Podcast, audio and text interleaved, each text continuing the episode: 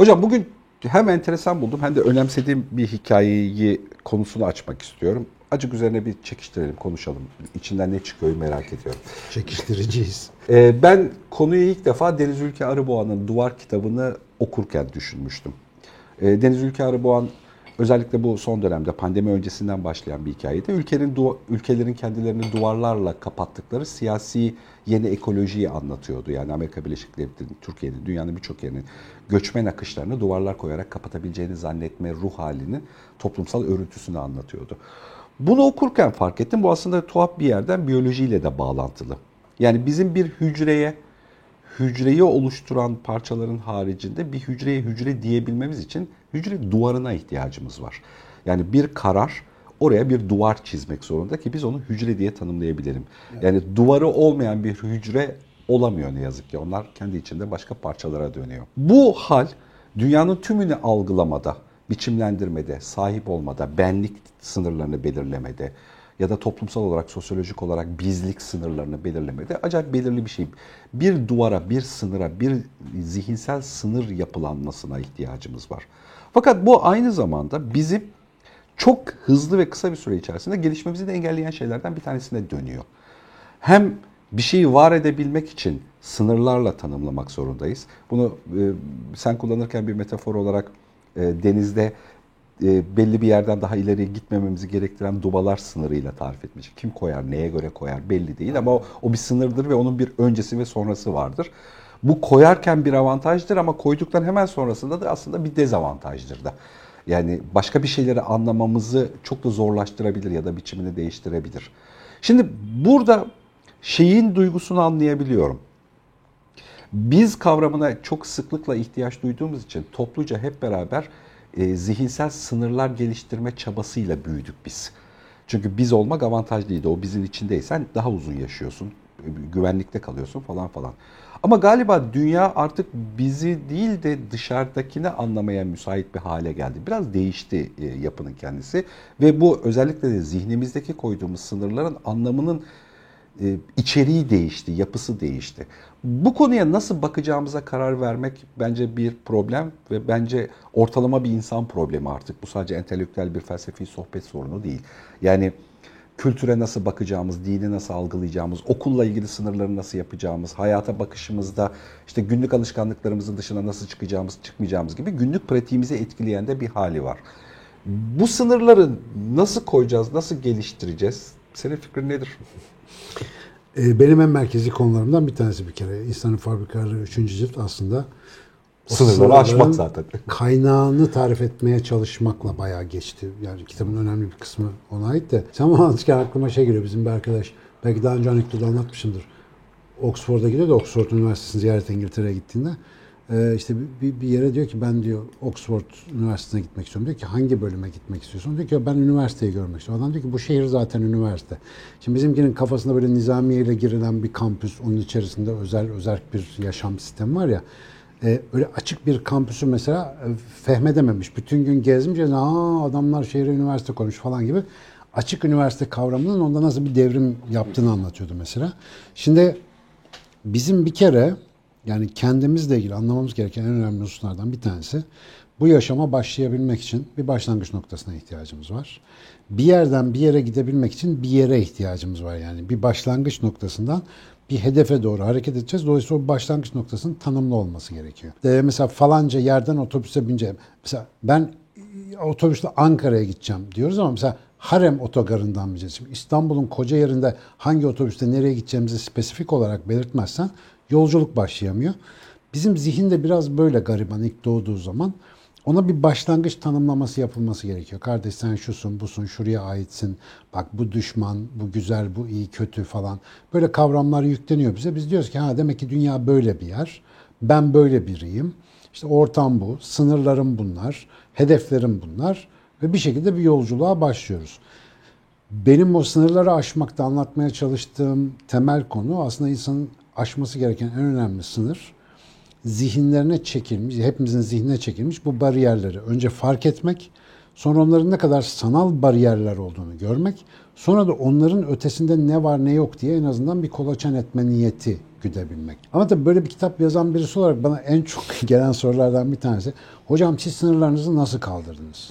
Neyi kaldırıyorsun abi? Sınır kaldırmak diye bir şey yok. Sadece öteleyebiliyorsun biraz. Şimdi başlangıçta küçükken dünya algında küçücük ama o küçücük algı içerisinde mesela biz çocukken hatırlayalım çok hızlı öğrenen varlıklardık. Niye? Hareket alanımız o kadar dar ki yani düşünsel sınırlarımız o kadar dar ki her türlü deneyim bizim hafsalamızı aşan bir şey oluyordu. Yani bildiğimiz alanın dışında yeni ve ilginç bir şey oluyordu ve biz sürekli bu kimliğimizi genişleterek, benliğimizi genişleterek olgunlaşma yoluna giriyorduk. Bu benlik algısının darlığı aslında bizi öğrenebilir bir canlı haline getiriyor. Ama bir süre sonra erişkin olunca 6 hektar alanın etrafına çekiyoruz çitleri, tel örgüleri. Diyoruz ki burası benim. Bak böyle elimi kolumu açarak gezebiliyorum. İçinde at sürebiliyorum, araba kullanabiliyorum. Hatta drone uçurabiliyorum, helikoptere binebiliyorum. Dolayısıyla benim dünyam artık yeterince geniş diyorsun. Ben bunu şeye benzetiyorum. Yani bütün dünyanın yüz ölçümüyle kıyasladığında Teksas'ın en büyük çiftliğine sahip olan adam acaba dünyanın yüzde kaçına sahiptir? Yani bu açıdan baktığında iğne başı kadar bir nokta aslında e, kaplamıyorsun dünyada. Yani çok küçük bir yere sahipsin. Fakat biz ileride olgunlaştıkça kendi sınırlarımız o kadar gözden ırak bir yere yerleştiriliyor ki sanıyoruz dünyamız çok engin, zihinsel hiçbir sınırımız yok. Biz her şeyi dinleyebiliyoruz, anlayabiliyoruz, düşünebiliyoruz, idrak edebiliyoruz. Halbuki biraz insan psikolojisine baktığında aslında durum böyle değil. Benim de hem bütün verdiğim eğitimlerde, konuşmalarda, hatta bizim bu nöro coaching okulu dediğimiz okulun temelinde aslında insanın ne kadar uzak gözükürse gözüksün kendi sınırlarını önce tespit edip o sınırların ötesindeki dünyaya açılmanın yollarını araması ve bunun işte yöntemlerini keşfetmesi denen bir hikaye var. Şimdi denizdeki bariyer örneğinde yani beni en çok cezbeden şey işte sordum ben bu yaz kim koyuyor bunları diye orada çalışan çocuğun biri koyuyormuş. İki tane duba dikiyormuş arada böyle mini dubalar. Yani turistler bir orada takılsın orada yüzsünler diye. Biraz da yosunları temizledikleri yere denk geliyormuş. Ben oradan yüzüp karşıya geçerken gerildiğimi fark ettim mesela. Çünkü tam oraya geliyorsun. Oraya gelince bir şey diyor ki siz bir dur. Niye? Bir sınıra geldin. Neden o sınır? Ne bileyim ben ama sınır dur orada. Kim koydu? Şu koydu. Ha. Niye koydu? Ne, yani niye oraya koydu mesela? o da. O anda bunu merak ettim. Mesela o gün denizden çıkınca arkadaşa sordum. Ertesi gün gene suya girdim. Aynı şey gene oldu. Yani biliyorum ki bu keyfi olarak buraya çekilmiş. Ertesi gün geldiğinde gene aynı gerginlik var. Ee, sınırlarımı aşmak için bir cesaret hamlesi yapıp altından daldım. Karşıya geçtim. Ve karşıya yani bir metre ileride kafamı tekrar sudan çıkarttığımda artık açık denizin ortasında böyle bir de bir Ankaralıyız ya suyla ilişkimiz malum yani. Küvette var bizim orada su. Açık denizde tehlikeleri açık her an köpek balıkları hatta bilmiyorum fok balığı falan tarafından yenebilecek bir tehlike ortamı içindeymişim gibi geliyor. Halbuki elini uzatsan o biraz önceki yapay sınır orada elinin altında. Denizin altı hala tertemiz. Ee, ve hani orada yüzerken hissettiğim tedirginliğin hiçbir mantıksal kaynağı olmadığını bildiğim halde o tedirginlik devam ediyor. Ama bir şey daha oldu. Dubalardan kafamı şöyle aşağı doğru bir çevirdim. Üç kişi orada yüzüyor, beş kişi burada. Birileri yüzüyor. Ana dedim ne güzel. Demek ki yüzülebiliyormuş. Bir anda sınırım genişleyiverdi. Çünkü başkalarını gördüm. Yapabiliyorlar. Dolayısıyla işte ben de böyle yüzmeye başladım falan filan. Üç, iki gün sonra tekrar aynı yerden suya gireceğim. Girdim ama benden başka yüzen yok. Açıkta kimse de yok. Ama artık cesaretli mi yani artık biliyorum. Oradan yüzmüşüm. Şeyden Duba'nın e, kıyı tarafında bir sürü insan yüzüyordu. Ben çıktım biraz yüzdüm baktım 8-10 kişi arkadan geliyor lider olmanın hazzını yaşadım mesela. Ya şimdi bakınca hayattaki zihni sınırlar da bunlar hiç farklı bir şey değil. Ezberler var, zanlar var, bir şeyler var. Diyorsun ki e, işte vatan toprağı kutsaldır. Ne işte gidiyorsun Habur sınır kapısının bir metre ötesi kutsal değil, bir metre bu yanı kutsal. Niye öyle bilmiyorum. Böyle bir şey var ama senin dikkat çektiğin kısım şimdi bize şey gibi geliyor. Artık sınırların buharlaştığı ya da duvarların buharlaştığı bir zamanda yaşıyormuşuz intiba verebiliyor ama aslında öyle değil. Sadece duvarların yeri değişiyor. Bizim zihnimizin sınırlarının konumları değişiyor. Mesela şimdi artık Burada akışkan bir şey seziyorum da. Şimdi aslında çatışmanın zeminini de oluşturan şey bu. Şimdi e, zihnimizin sınırları değişiyor ve büyüyebiliyor. Bu, bu bir katsayı durumu ama sadece değişiyor ve büyüyor olmanın ötesinde galiba akışkan bir şekilde düzenli değişme hali gibi bir durum daha Şöyle. yaklaşıyor. Şimdi- ya mesela bu, bu şöyle sorayım işini kolaylaştıracak diye düşünüyorum. Mesela yabancı kim? Eskiden yabancı bizim mahallenin dışındaki herkesti. Herkesti, evet. Şimdi yabancı kim? Yani mesela İngil- İngiltere tanıdığımız ekibin yarısı İngiltere'ye gidiyor geliyor yaşıyor. Evet, İngiltere yani- yabancı mı şimdi? Hiç değil yani. Yani hani mesela eski kim hocam. yani mesela o bir akışkan durum artık. sanki. Çinliler biraz yabancı geliyor. ama iki Çinli arkadaş edinsek mesela Tabii canım. yani Aynen öyle. birdenbire akraba olacaklar falan bizim Kayserilere benziyor İşte falan diye. benim zannım diyorum ya işte benim zannımla alakalı bir şey. Yoksa normalde bir şey uzun kısa iyi kötü yabancı dost değil yani. Sen nereden bakıyorsun ona göre ama unuttuğumuz bir şey var. Biz hep sınırlardan bahsederken sanki kötü sınırlayıcı bir şeyden bahsediyormuş gibiyiz. Aslında faydasını keşfettiğimiz zaman ve kullanabildiğimiz takdirde çok işimize yarayan bir şey. Mesela biz seninle bir masada oturuyoruz. Bayağı hatır sayılır bir kitlemiz var bu 150. bölüme doğru gittiğimiz şu aziz günlerde. Bir sürü insan bu sohbeti seyrediyor. Niye? Benim kendimce zihinsel sınırlarım var. Senin kendince zihinsel sınırların var. Biz genellikle ne yapmaya çalışıyoruz? O sınırları birbirine geçiştirip karşılaştırarak fikir üretmeye gayret ediyoruz. Tabiattaki işte kenar etkisi diye anlatıp durduğum şey aslında aynen bu.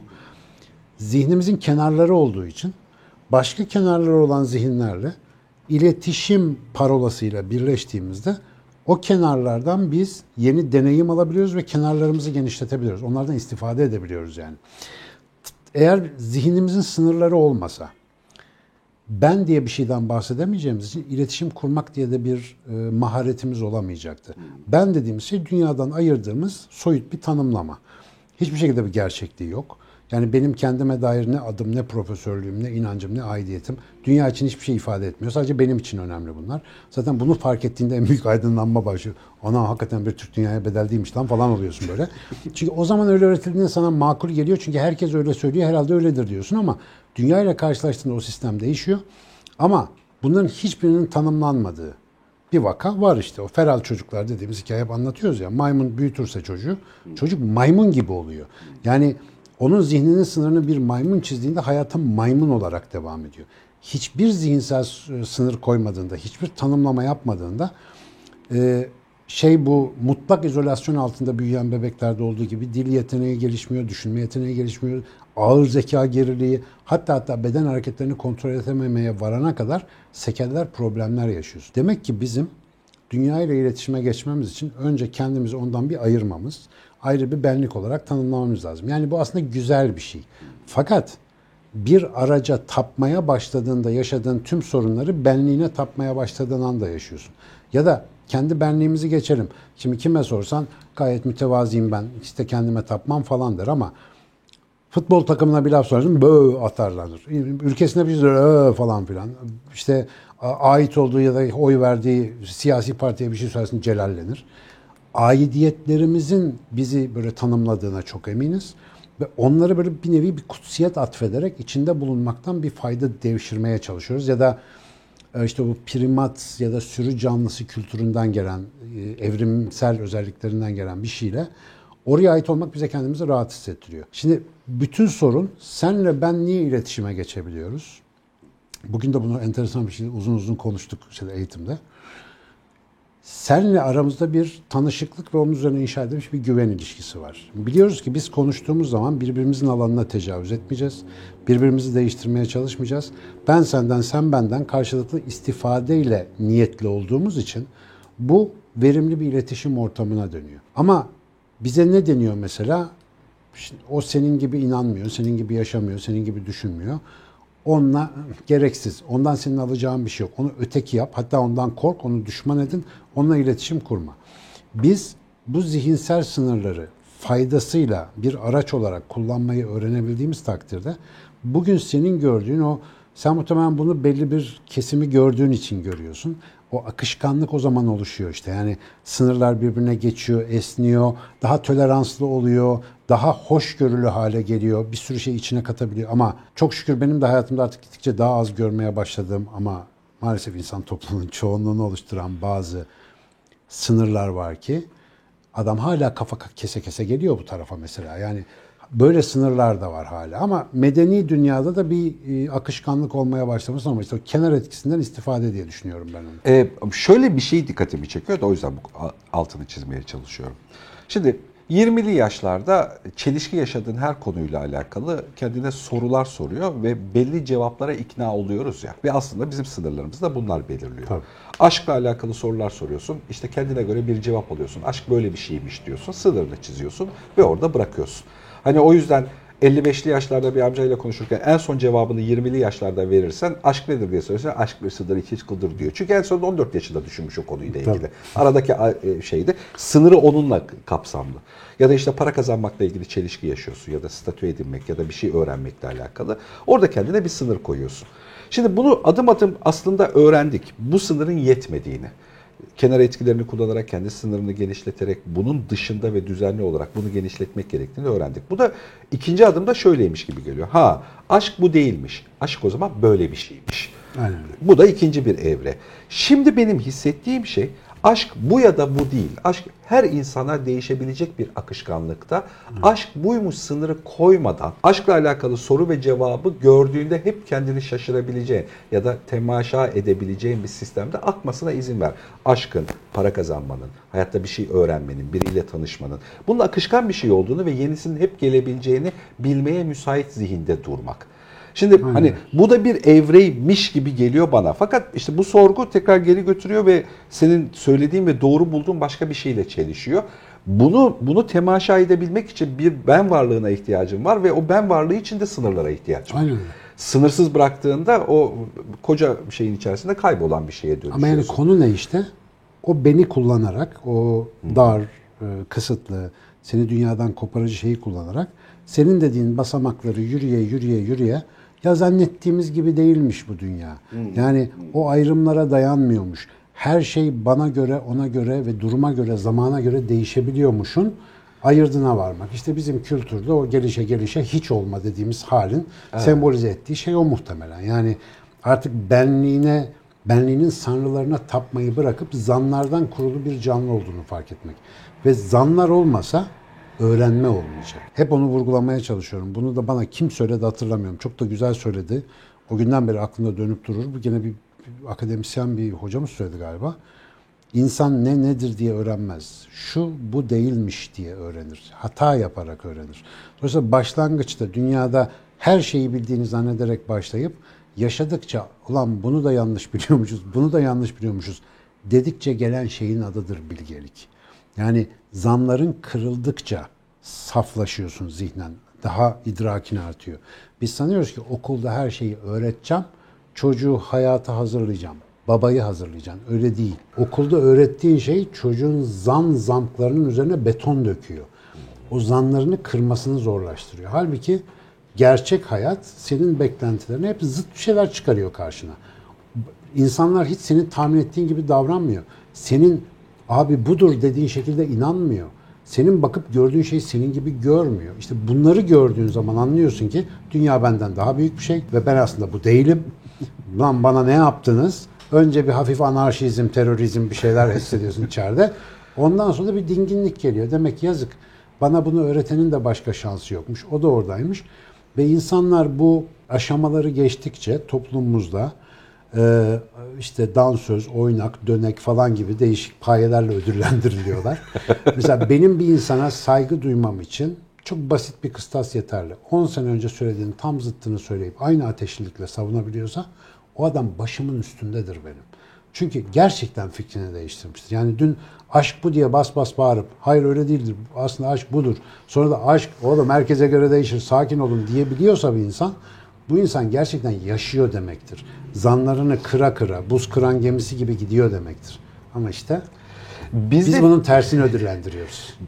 burada sanıyorum e, oradaki problemi oluşturan e, biz biz bir fikre inanmayı çıkarlarımızla ilintili olmasını kabul ederek başlıyoruz. Aslında kötü e, yani hikayeyi den kötü koku gelmesini sağlayan o. İnançlı o yüzden olmamız bile cennet, cennete gitmek için be abi. Tabii ya çıkarlarımızla ilişkili olduğu için e, şey diyor ha çıkarların değişti sen şimdi başka bir şeye inanıyorsun. O yüzden dönüştün. Halbuki çıkarlarımızla ilgili değil de kişisel anlamda bir anlama çabasıyla alakalı olduğunda gerçekten hakikatla ilgilendiğin için kovaladığın bir yolda fikrin zikrin değişiyorsa aksine bu muhteşem bir görüntü oluyor gerçekten de. Ya işte bu e, En çok da bu insanları takip ediyor ve biliyoruz bu arada. Herkesin hikayesine baktığımızda böyle bir background'ı var. ya tanrılaştırma özelliğine sahip bir varlık olduğumuzu fark edemiyoruz bir türlü. Yani sadece dış dünyada işte ağaca, taşa, yıldırıma falan tapan ataların torunları değiliz yani. Ben dediğim bir şeye tapıyorsun ya. Nasıldır bu tapma? Abi bunu görmeyecek ne var diyorsun mesela. Ya bu ne demek? Ben tanrısal olarak doğruyu görüyorum. Sen be hey salak bunu nasıl göremezsin? Ya mesela diyor ki kesin böyle olmalı. Ne biliyorsun ya? Ya bu nasıl bir tanrılık iddiasıdır ki kesin olanı sen bile biliyorsun. Mesela mükemmel olması için çocuk yetiştir. Lan ne demek mükemmel? Gelişmişliğin son noktası. Bundan daha gelişmiş olmanın mümkün olmadığı bir yere çocuğu çocuğun olduğu için bir insanı getirebileceğini iddia ediyorsun. Ya da kendini mükemmeliyetle sürekli sorumlu hissediyorsun. O yüzden hiçbir şey yapamaz hale geliyorsun falan. Ya bütün bunlar tanrılık sendromunun, tanrıcılık oynamanın yansımaları. Ya halbuki normal bir insan olsan çok da şey yapmamak lazım. Standart yani öyle de olacak, böyle de olacak. Ee, hani bazen performans düşük, bazen yüksek olacak. Bazen üzüntü, bazen sevinç. Bunların hepsini kabul edebilir hale geliyorsun. İşte olgunlaşmanın bir işareti de yani jüvenilliğin, toyluğun bir e, göstergesi bu bazı şeyleri şiddetle ve e, tereddütsüz savunma hali. Ama emin olamama, o da olabilir, bu da olabilir tarzı böyle gevşek konuşmalar biraz daha bilgeliğin dili. Bilgelikten böyle zor ediyor. Bilge bilmiyor mu neyin ne olduğunu? Biliyor ama ihtimallerin genişliğinin de farkında. İşte bu benlik denen şeyi nasıl kullanacağımızı bize öğretmedikleri için.